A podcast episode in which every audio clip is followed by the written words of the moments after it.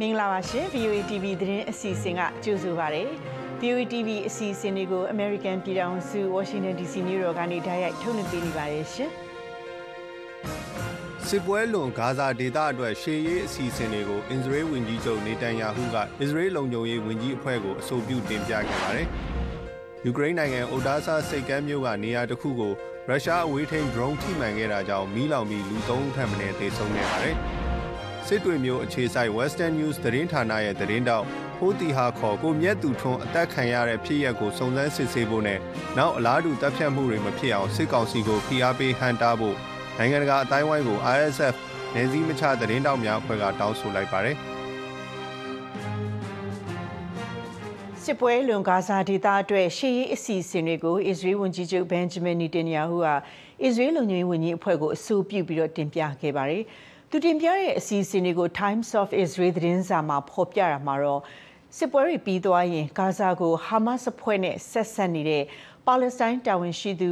ဟာမတ်စ်အဖွဲ့ကိုထောက်ပံ့ထားတဲ့နိုင်ငံသားတွေမပါတဲ့အစိုးရအဖွဲ့ကအုပ်ချုပ်ရမယ်လို့ပြောထားပါတယ်။အကြံဖက်တာကိုအားပေးတဲ့နိုင်ငံအဖွဲ့အစည်းတွေနဲ့လုံးဝပတ်သက်မှုမရှိဘဲ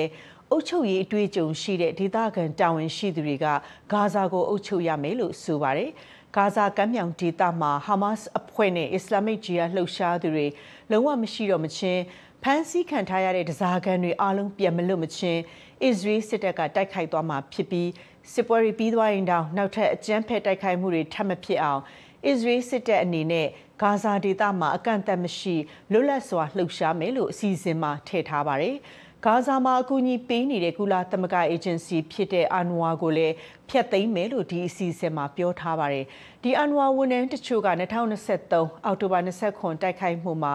ပါဝင်ခဲ့တယ်လို့အစ္စရေးစစ်တပ်ကဆွဆွဲသလိုကုလသမဂ္ဂကလည်းဝန်ထမ်းတချို့ကိုအလုပ်ဖြုတ်ခဲ့ပါတယ်။အခုလိုဂါဇာအနာဂတ်အစီအစဉ်တွေကိုအစ္စရေးဝန်ကြီးကအဆိုပြုတဲ့အချိန်မှာပဲလူသားချင်းစာနာမှုအကူအညီတွေပို့ပြီးတော့ပေးနိုင်မှုယာယီအပြစ်ခတ်ရက်ရေး တန်တမန်ရေးအရာကြိုးပမ်းမှုတွေအမေရိကန်နဲ့ဒေသရင်းနိုင်ငံတွေကတော့ဆက်ပြီးတော့လှုပ်ဆောင်နေပါတယ်ရှင်ယူကရိန်းရဲ့ပင်လယ်နက်စိတ်ကမ်းမြို့ဥရဲစားမှာရှိတဲ့စီးပွားရေးလုပ်ငန်းနေရာတစ်ခုကိုရုရှားအဝေးထိန်း drone ထိမှန်တဲ့အတွက်မီးလောင်ပြီးတော့လူ၃ထက်မနည်းသေဆုံးတယ်လို့ယူကရိန်းအစိုးရအရာရှိတွေကဒီကနေ့ပြောပါတယ်ရုရှားကယူကရိန်းကို drone 32စင်းနဲ့ညလုံးပေါက်တိုက်ခိုက်ခဲ့ပြီးတော့ ဒီတဲက23စင်းကိုယူကရိန်းလေကြောင်းရန်ကာကွယ်တပ်ဖွဲ့တွေကပစ်ချဖျက်ဆီးခဲ့တယ်လို့ယူကရိန်းစစ်တပ်ကပြောပါတယ်။တောင်ပိုင်းမှာတော့ drone ကိုစင်းကိုကြားပြတ်ဟန်တာဖျက်ဆီးခဲ့ပြီးမြဲဒဇင်းကစိတ်ကမ်းနာကနေရာတစ်ခုကိုထိမှန်တာကြောင့်မီးလောင်ခဲ့ရတယ်လို့တောင်ပိုင်းတပ်ဖွဲ့တွေကပြောပါတယ်။ဒီနေ့ Propetrovac မြို့မှာလည်းလူနေတိုက်ခန်းတစ်ခုကိုထိမှန်ပြီးတော့လူရှိဦးဒဏ်ရာရပါတယ်။အပြည့်စည်းပုံတွေကြားတဲ့ပိတ်မိသူတွေရှိမရှိကယ်ဆယ်ရေးလုပ်သားတွေရှာဖွေနေတဲ့အကြောင်းတော့ ဒီတန်တရာအုပ်ချုပ်ရေးမှူးကပြောပါတယ်။ယူကရိန်းကိုရုရှားစပြီးတော့ကျူးကျော်တိုက်ခိုက်တာနှစ်နှစ်ပြည့်မဲ့ February 24ရက်စနေနေ့မှာတော့စက်မှုထွန်းကားတဲ့နိုင်ငံတွေပါဝင်တဲ့ G7 အဖွဲ့ဝင်နိုင်ငံကခေါင်းဆောင်တွေဟာအွန်လိုင်းပေါ်မှာတွေ့ဆုံပြီးတော့ယူကရိန်းကိုကူညီထောက်ပံ့ရေးကိစ္စတွေဆွေးနွေးဖို့ရှိပါတယ်။ဒီတော့အတွင်း American ဆွေးရကလည်းရုရှားပေါ်ဒဏ်ခတ်အရေးယူမှုတွေကိုဒီကနေ့ထပ်တိုးပြီးတော့ချမှတ်ဖို့ပြင်ဆင်နေပါတယ်။ယူကရိန်းကိုကျူးကျော်တိုက်ခိုက်တဲ့အတွက်ရော ရုရှားအတိုက်ခံခေါင်းဆောင်အလက်ဆီနီဗာနီအကျဉ်းထောင်ထဲမှာတေဆုံးခဲ့ရတာအတွေ့ရောထပ်တိုးပြီးတော့ဒဏ်ခတ်ဖို့ပြင်ဆင်နေတာဖြစ်ပါတယ်ရှင်စစ်တွေမျိုးအခြေဆိုင် Western News သတင်းဌာနရဲ့သတင်းတောက်ဖိုးတီဟာခေါ်ကိုမြတ်သူထွန်းဟာမကြသေးခင်ကတတ်ခံခဲ့ရတဲ့ဖြစ်ရပ်ကို စုံစမ်းစစ်ဆေးဖို့နဲ့ဒီလိုအလားတူတပ်ဖြတ်မှုတွေမဖြစ်အောင်လို့စစ်ကောင်စီကိုဖိအားပေးဟန်ကြားဖို့နိုင်ငံတကာအတိုင်းဝိုင်းကို RSF နဲ့စီမချသတင်းထောက်များအဖွဲ့ကတောင်းဆိုလိုက်ပါတယ်။ကိုမြတ်သူထွန်းဟာ2021ခုနှစ် February စစ်တပ်အာဏာသိမ်းပြီးတဲ့နောက်ပိုင်းမြန်မာနိုင်ငံမှာအသက်ခံခဲ့ရတဲ့ပြင်စမမြောက်သတင်းတောက်တူဖြစ်တယ်ဆိုတာ RSF အဖွဲ့ရဲ့ကြေညာချက်မှာဖော်ပြပါတယ်။ TVB သတင်းဌာနအတွက်လည်းသတင်းတွေပေးပို့နေတဲ့ကိုမြတ်သူထွန်းကို ပုံမှန်905ကနဲ့2022ခုနှစ်စက်တင်ဘာတုန်းကဖမ်းဆီးခဲ့ပြီးတော့ရခိုင်ပြည်နယ်မြောက်ဦးမြို့မှာစစ်တပ်ကဖမ်းထားတဲ့အချိန်မှာပြစ်တက်ခံခဲ့ရတာလို့ Western News သတင်းဌာနအယ်ဒီတာတူက CPJ သတင်းသမားများကာကွယ်ရေးအဖွဲ့ကိုပြောဆိုပါရယ်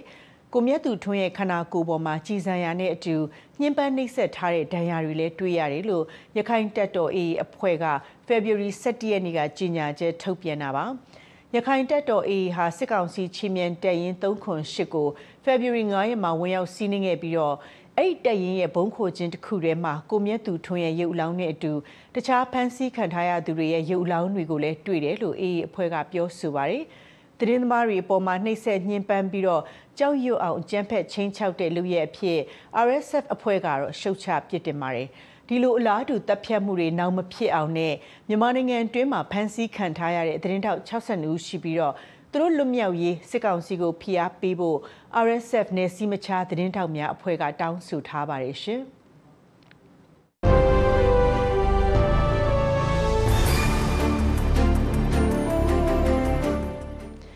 မြန်မာနိုင်ငံပါဝင်အီရန်ဆီးရီးယားတူနီးရှားနဲ့ယီမင်စတဲ့ပဋိပက္ခနဲ့အခက်အခဲတွေကြုံနေရတဲ့နိုင်ငံတွေရဲ့စီးပွားရေးရှေ့အလားအလာနဲ့ပတ်သက်ပြီးတော့နိုင်ငံတကာငွေကြေးရန်ပုံငွေအဖွဲ့ IMF Board အဖွဲ့ကမနေ့ကအလွတ်သဘောဆွေးနွေးပွဲကျင်းပပါတယ်။ဆွေးနွေးပွဲနဲ့ပတ်သက်ပြီးတော့အသေးစိတ်ထုတ်ပြန်တာမရှိပေမဲ့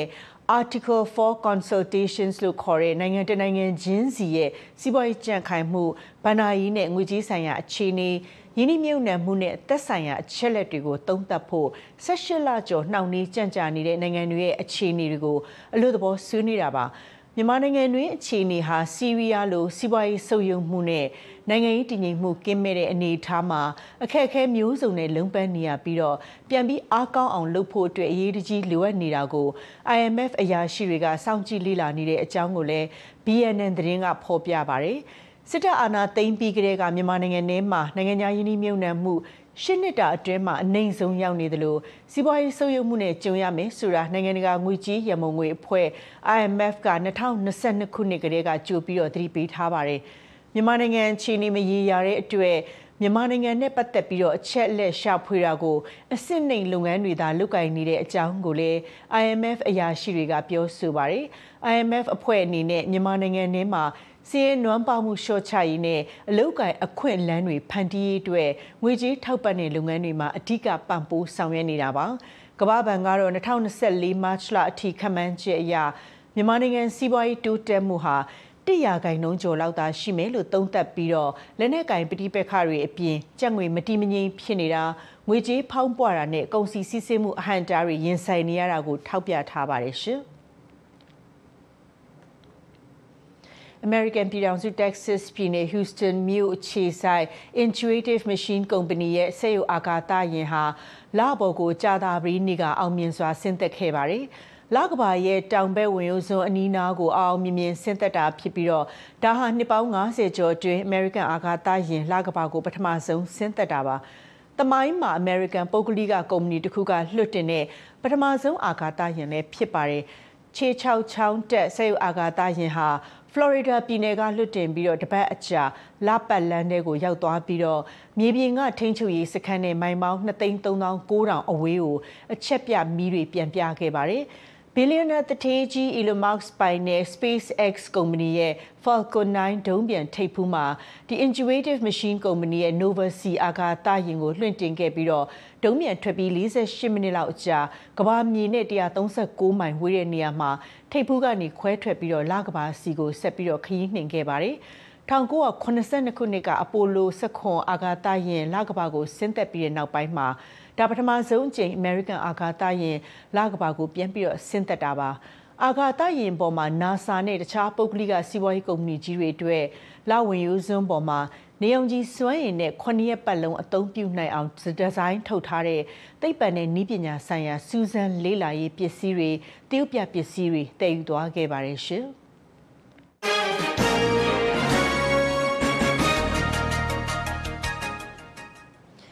နေ့ပြန်စနေနေ့ American ပြည်ထောင်စုတောင် Carolina ပြည်နယ်မှာ Republican Party တွင်သမ္မတလောင်းပြိုင်ပွဲကျင်းပဖို့ရှိပြီးတော့တောင် Carolina ပြည်နယ်အုပ်ချုပ်ရေးမှူးဟောင်းလည်းဖြစ်ကုလသမဂ္ဂဆိုင်ရာဒီ American သမ္မတ်ကြီးလည်းဖြစ်တဲ့ Nikki Haley ကမဲဆန္ဒရှင်တွေကိုအကြိတ်နဲ့စီယုံနေပါတယ်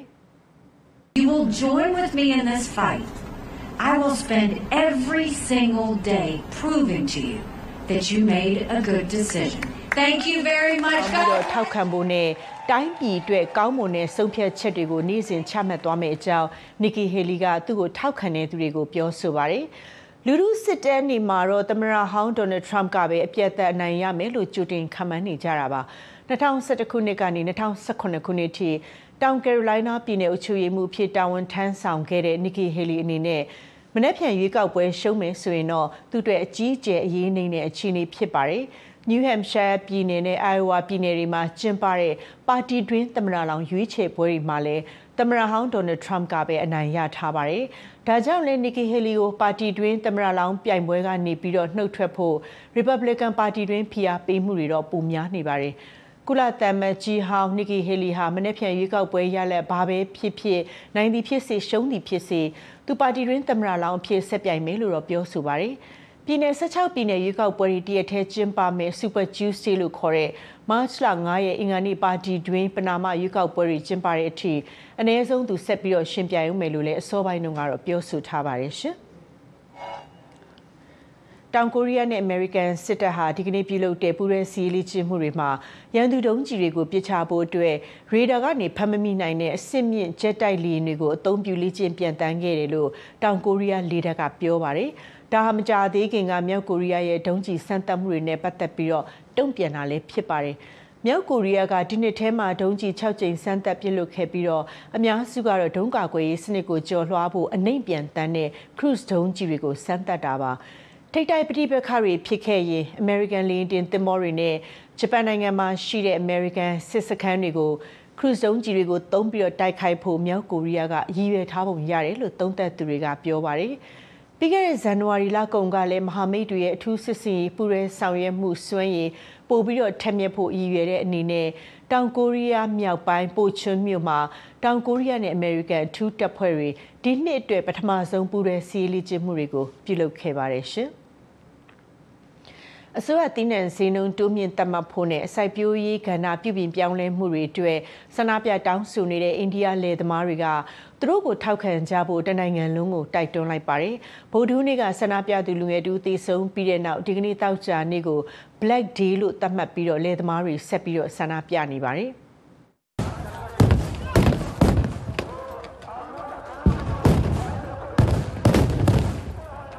မြို့ကိုချီတဲ့ဆန္ဒပြပွဲတွေအတွင်းမှာ ထောင်နဲ့ချီတဲ့ဆန္ဒပြသူတွေကိုရဲတပ်ဖွဲ့ကမျက်ရည်ယူဘုံတွေမိသက်ပိုက်တွေတုံးပြီးတော့ဖြိုခွဲခဲ့တဲ့ရုံရင်းဆန်ခတ်မှုအတွင်းမှာဆန္ဒပြသူလူငယ်တူတေဆုံးခဲ့ပါတယ်။တေဆုံးသူလူငယ်ဟာဥကောင်းမှာဒဏ်ရာရထားတာဖြစ်ပြီးတော့တေဆုံးရတဲ့အကြောင်းရင်းကိုတော့မတတ်မှတ်ရသေးဘူးလို့အာဏာပိုင်တွေကပြောပါတယ်။ဒီကနေ့မှာတော့ Punjab နဲ့ Haryana ပြည်နယ်နယ်စပ်နေရာတဝိုက်အနက်ရောင်ခေါင်းပေါင်းတွေဝတ်ဆင်ပြီးတော့အနက်ရောင်အလံတွေကင်ဆောင်ထားတဲ့ဆန္ဒပြသူတွေကို တမကခေါင်းဆောင်တူဖြစ်တဲ့ Savan Singh Panha ကဥဆောင်ပြီးတော့အစိုးရလုပ်ရက်တွေပေါ်မှာမကျေနပ်ဆန္ဒပြကြဖို့နိုင်ငံတဝန်းလုံးကိုတောင်းဆိုပါတယ်။ရဲတပ်ဖွဲ့က New Delhi မြို့ဝင်ရောက်နိုင်တဲ့နေရာတွေမှာလုံခြုံရေးတိုးချထားပြီးတော့မြို့တော်မြောက်ဖက်အဓိကဝင်ပေါက်နေရာနှစ်ခုကိုလည်းရဲအတော်ကြာပိတ်ထားပါတယ်ရှင်။ဆက်လက်ပြီးတော့အပတ်စဉ်အစီအစဉ်တွေကိုထုတ်လွှင့်ပေးသွားပါမယ်။ဒီတစ် ပတ်။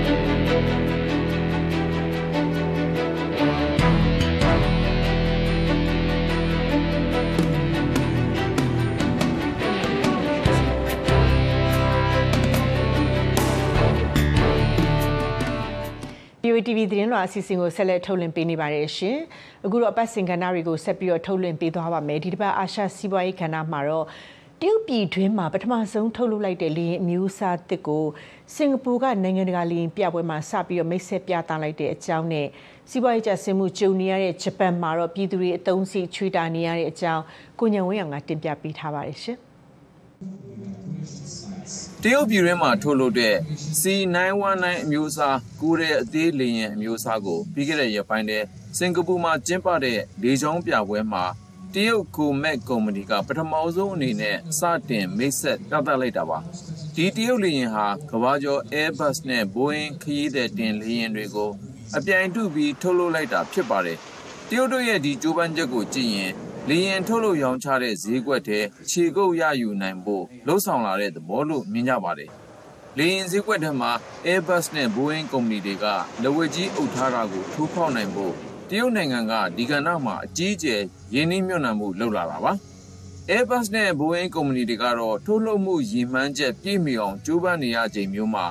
လေယာဉ်ထုတ်လုပ်မှုကဏ္ဍထဲအသစ်ဝင်လာတဲ့တရုတ်ကိုမက်ကုမ္ပဏီအနေနဲ့လုပ်ငန်းရှင်သန်ရပ်တည်နိုင်ရေးအတွက်ဘယ်လောက်ထိတောင့်ခံနိုင်မလဲဆိုတာကိုအများကစောင့်ကြည့်နေကြပါတယ်ကိုမက်ကတော့သူ့ပြည်တွင်းမှာရောနိုင်ငံတကာဈေးကွက်ထဲမှာပါနေရာရယူနိုင်ဖို့အတွက် C919 အမျိုးအစားလေယာဉ် ရောင်းအားမြင့်တင်ရေးကိုပို့လို့သွားမယ်လို့အသိပေးထားပါတယ်။ China Eastern လေကြောင်းလိုင်းကတော့မနှစ်တည်းကစလို့ C919 လေယာဉ်၄စင်းကိုဝယ်ယူပြန်တန်းနေပြီဖြစ်ပါတယ်။ C919 လေယာဉ်တွေကိုတရုတ်နိုင်ငံတွင်းမှာလူကြိုက်စပြုလာနေပြီဖြစ်ပေမဲ့ဒီလေယာဉ်တွေကိုဥရောပသမဂ္ဂရဲ့စံသတ်မှတ်ချက်တွေအတိုင်းဒီနှစ်ထဲတရားဝင်အတိမတ်ပြုလာနိုင်ဖို့ကြိုးပမ်းနေတယ်လို့ဆိုပါတယ်။ဒါမဲ့၃နှစ်ကနေ၅နှစ်အတွင်း C919 လေယာဉ်ထုတ်လုပ်မှုစွမ်းရည်ပိုမြင့်လာအောင်တရုတ်ယွမ်ငွေဘီလီယံ10ကနန်းချီပြီးယင်းနှိမ့်မြုံနှံသွားမယ်လို့ကိုမက်ကပြောပါတယ်ခင်ဗျာဂျပန်နိုင်ငံရဲ့စီးပွားရေးကျဆင်းလာနေပြီးကမ္ဘာစီးပွားရေးတတိယအင်အားအကြီးဆုံးဆိုတဲ့နေရာကိုလက်လွတ်ဆုံးရှုံးလိုက်ရပြီဖြစ်ပါတယ်။ဒါကြောင့်ဂျပန်ပြည်သူပြည်သားတွေဟာနေ့စဉ်ဘဝမှာအသုံးစရိတ်ကိုချွေတာလာနေရပါတယ်။တိုကျိုမြို့မှာငွေသုံးဖြုံးမှုအများဆုံးနေမြေလို့ဆိုရမယ် ဂင်ဇာရက်ကွက်မှာအလုပ်လုပ်နေသူတူကအခုလိုရင်ဖွင့်ပါတယ်お仕事のお給料が少なくなってしまっていて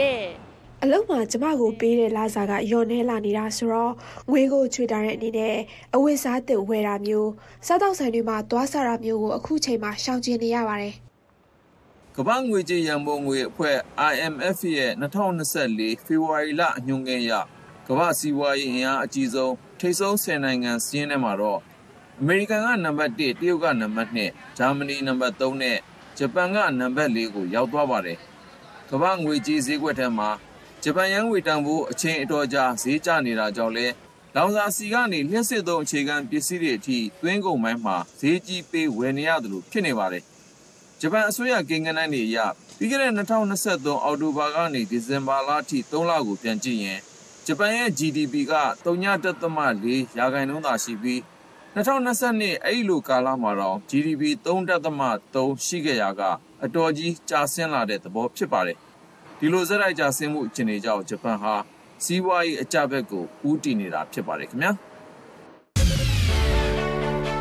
VOA မြန်မာပိုင်းအစီအစဉ်ရဲ့ရေဒီယိုနဲ့ရုပ်မြင်သံကြားထုတ်လွှင့်ချက်တွေကိုအချိန်မရွေးကြည့်ရှုနားဆင်နိုင်မှု VOA Mobile App အသစ်ကို smartphone တွေမှာ download ယူနိုင်ပါပြီ။ Android ဖုန်းတွေအတွက်ဆိုရင် Google Play နဲ့ iPhone တွေအတွက် Apple App Store တွေမှာ VOA Bambi ဆိုတဲ့ app ကို download လုပ်နိုင်ပါတယ်။ VOA မြန်မာဌာနဆိုတဲ့ logo နဲ့ဖြစ်လို့ရှာဖွေရတာလွယ်ကူပါတယ်။ဒီ application ကနေပြီးတော့ VOA အစီအစဉ်တွေကိုတိုက်ရိုက်နားဆင်ကြည့်ရှုနိုင်တဲ့အပြင်ကိုနှစ်သက်ရာအချိန်တိုင်းမှာလည်းသတင်းဆောင်မတွေအပတ်စဉ်ကဏ္ဍတွေကိုတွားပြီးတော့နားဆင်ဖတ်ရှုနိုင်ပါတယ်ရှင်။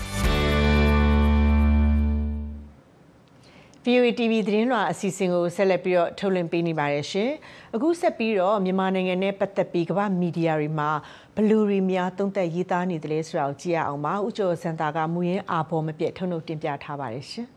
။ခုရပြောပြမယ့်အကြောင်းအရာတွေထဲမှာတော့စစ်ကောင်စီနဲ့အာဆီယံဆက်ဆံရေးတရုတ်စစ်တပ်ပြည်တဲ့မြန်မာညီညာရေးအကန့်အသတ်ရခိုင်တပ်တော်လမ်းကြောင်းပြောင်းလဲလာသလား။ မြန်မာပြဿနာနဲ့အိန္ဒိယနိုင်ငံရဲ့ဆိုရင်စရာစစ်မှုမထမ်းမနေရဥပဒေရဲ့အကျိုးဆက်စတာတွေပဲဖြစ်ပါတယ်။အဲ့ဒီမှာပထမဆုံးပြောပြခြင်းတဲ့အကြောင်းအရာကတော့မြန်မာ ICE returns to Asian fold အာဆီယံဘက်ကိုမြန်မာစစ်တပ်ပြန်ပြီးတင်ညွလာခြင်းဆိုတဲ့ခေါင်းစဉ်နဲ့ကာဝီချုံကစ်တာဝန်ရေးတဲ့ဆောင်းပါးပဲဖြစ်ပါတယ်။ bengalpost.com မှာဖတ်ရတာဖြစ်ပါတယ်ခင်ဗျာ။ရခိုင်ကမ္ဘောဒီးယားဝန်ကြီးချုပ်ဟွန်ဆန်က 2022ဩဂုတ်လ20ရက်စွဲနဲ့ဗိုလ်ချုပ်မှုကြီးမြောက်လှန်စီကိုပုဂ္ဂိုလ်ရေးစာတစ်စောင်ရေးပြီးအာဆီယံမူငါးချက်ကိုလိုက်နာပါမလိုက်နာရင်အာဆီယံဟာစစ်ကောင်စီကိုသပိတ်မှောက်ပြီး NUG ကိုအစီအမတ်ပြုသွားလိမ့်မယ်လို့ကပြပြရေးခဲ့ပါတယ်ဒီလက်တွေ့ကြတဲ့ဂျမ်ပြူချက်ကိုဗိုလ်ချုပ်မှုကြီးမြောက်လှန်ကဒေါသထွက်ပြီးနိုင်ငံရေးအကျဉ်းသား၄ရက်ကိုစေတံပေးထားတာကင်းလို့ခွင့်ပြုဖို့တောင်းဆိုချက်ပါဝင်အလုံးကိုပယ်ချခဲ့တယ်လို့ဆောင်းပါရှင်ကဆိုထားပါတယ် 2029စစ်စင်ရေးကစပြီးအထိနာလာတဲ့နောက်ပိုင်းမှာတော့စစ်ကောင်စီဟာနိုင်ငံရေးရာထူးမဟုတ်တဲ့အစင်းမြင့်အရာရှိကြီးတူကိုအာဆီယံစီစစ်လို့ဖို့ကောက်ကံညာဆုံးဖြတ်လိုက်တယ်။ဒါကိုအာဆီယံနိုင်ငံရဲ့ဝန်ကြီးတွေကလည်းကြိုဆိုကြပါတယ်တဲ့။စစ်ကောင်စီအနေနဲ့တင်းမာတဲ့ရည်တည်ချက်ကိုပြောင်းလဲရတော့မယ်။ကုလသမဂ္ဂကလည်းယူကရိန်းပါလက်စတိုင်းပြည်နယ်များနဲ့မဟာမလတဲ့ကြားတွေကလုံခြုံရေးကောင်စီအဖွဲ့ဝင်တို့ဟာမြန်မာနိုင်ငံကိုအလေးထားဖို့ကြိုးစားလာကြတယ်။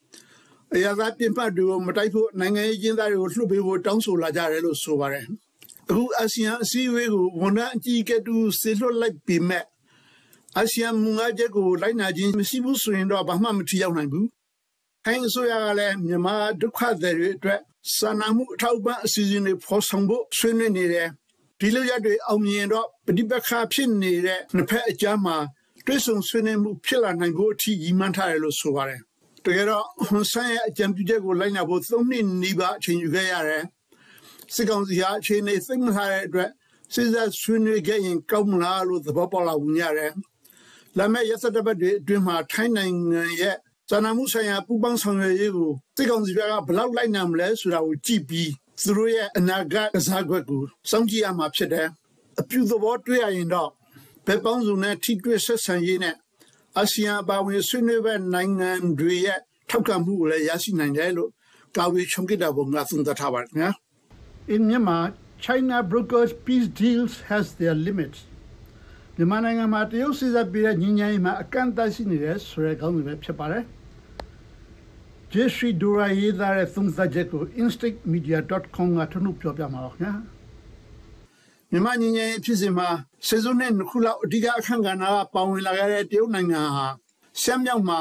ဒီဇင်ဘာလတုန်းကဝင်ရောက်စစ်တပ်ခဲ့ပေမဲ့ပြစ်ခတ်မှုတွေရှိနေခဲ့ပြီးတလားလောက်အကြာမှပြစ်ခတ်ရဆဲသွားခဲ့တယ်။ဒါပေမဲ့တရုတ်ရဲ့စစ်တပ်မှုဟာရှုပ်ထွေးနေတဲ့တကယ်မြေပြင်အခြေအနေနဲ့မကိုက်ညီဘူးဆိုတာချက်ချင်းတွေ့လာရတယ်လို့ဆိုပါတယ်။ဒီတရုတ်ရဲ့ကြောင်းဝင်စစ်တပ်မှုဟာ ညီနောင်မဟာမိတ်သုံးဘွဲအပြင်တခြားသော NUG နဲ့ PDF အဖွဲ့တွေနဲ့မဆိုင်လို့ပဲဖြစ်နေတဲ့တကယ်လို့တရုတ်ရဲ့စစ်စားရေးဟာအစီငေါမတက်ဖြစ်နေရင်တော့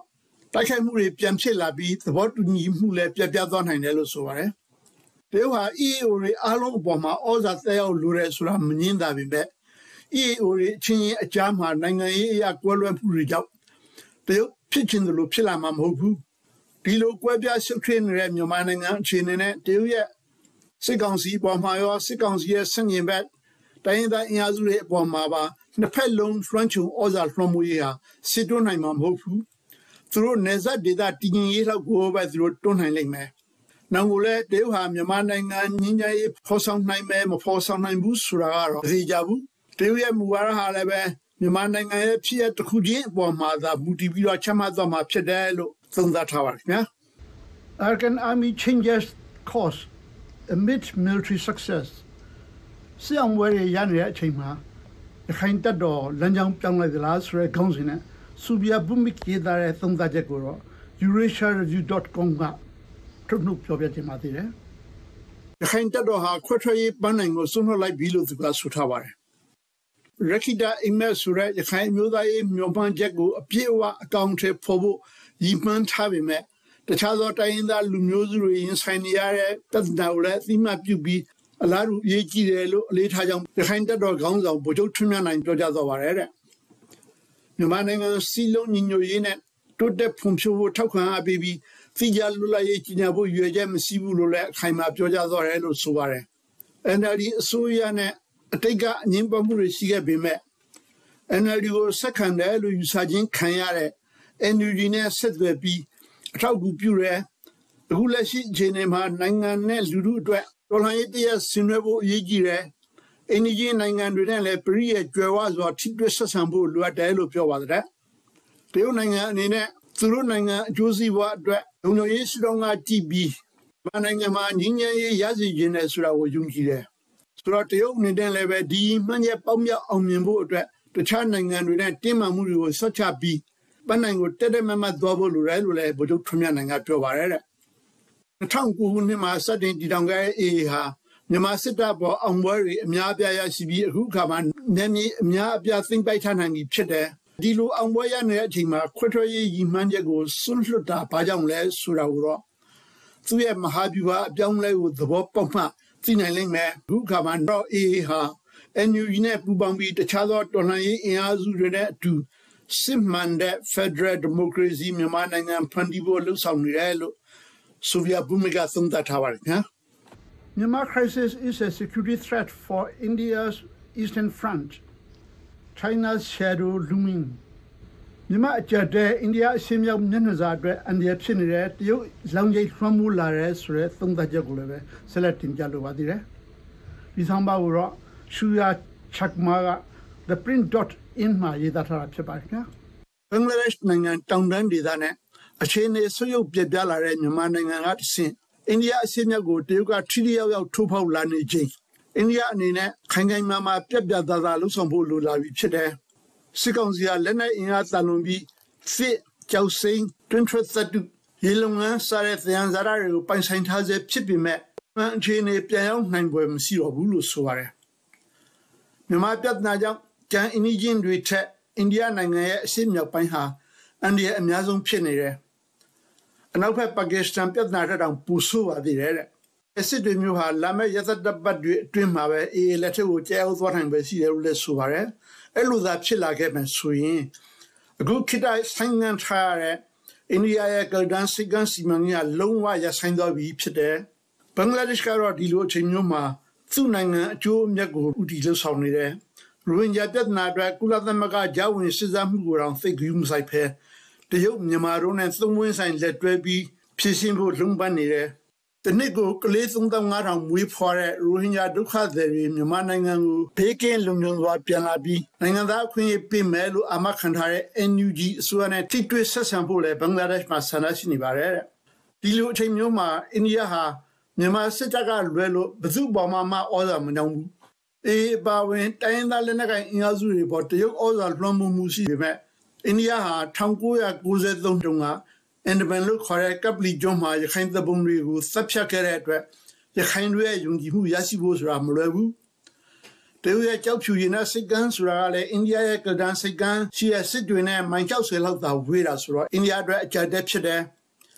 တရုတ်ဟာဘင်္ဂလားဒေ့ရှ်ရဲ့ရန်ဂမတီဘန်ဒရာဘန်စားတဲ့ဒေသတွေကတိုင်းသားမျိုးနွယ်စုတွေကိုလည်းပဲနှီးမျိုးစုံနဲ့စီးရုံနေတာဖြစ်တယ်ဒီလိုအခြေအနေမျိုးတွေကြောင့် အိန္ဒိယဟာမြန်မာနိုင်ငံမတီးမငြိမ်မှုကဆင်ပေါ်ထွက်လာနိုင်တဲ့စင်ခေါ်မှုတွေကိုပြပြသားသားကင်တွယ်ဖို့လိုနေပြီလို့သုံးသပ်တင်ပြထားတာဖြစ်ပါတယ်နောက်ဆုံးပြောပြဖို့ရွေးချယ်ထားတဲ့အကြောင်းအရာကတော့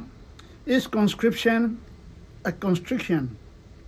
စမှုမထမ်းမရဥပဒေဟာ lebbing ကိုညှစ်တာလား the general mistake people checkmate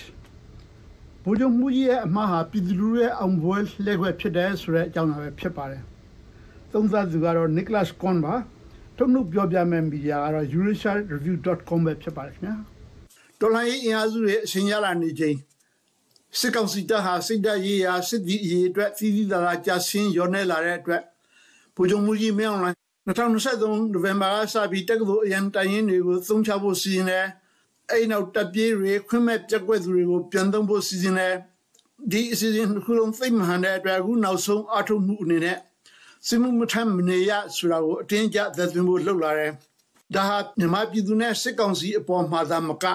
တော်လှန်ရေးနဲ့အင်ဂျင်နိုင်ငံတွေအတွက်ပါရိုက်ခတ်မှုတွေရှိလာမယ်။လူငယ်6000နဲ့ဧပြီလမှာစတင်မယ်ဆိုတဲ့အတွက်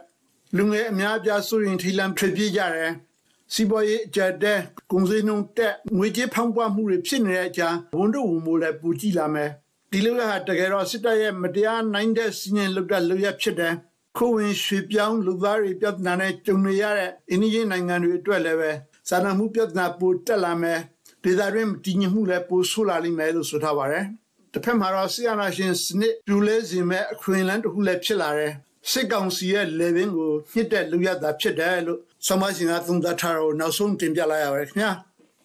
ကုတ္တဘတော့ကတော့လောက်ပဲဖြစ်ပါတယ်နောက်တစ်ပတ်မှာဘယ်လိုများသုံးသပ်လာရအောင်လဲဆိုတာကျွန်တော်တို့စောင့်မျှော်လိုက်ကြပါဦးခင်ဗျာအားလုံးကိုကျေးဇူးတင်ပါတယ်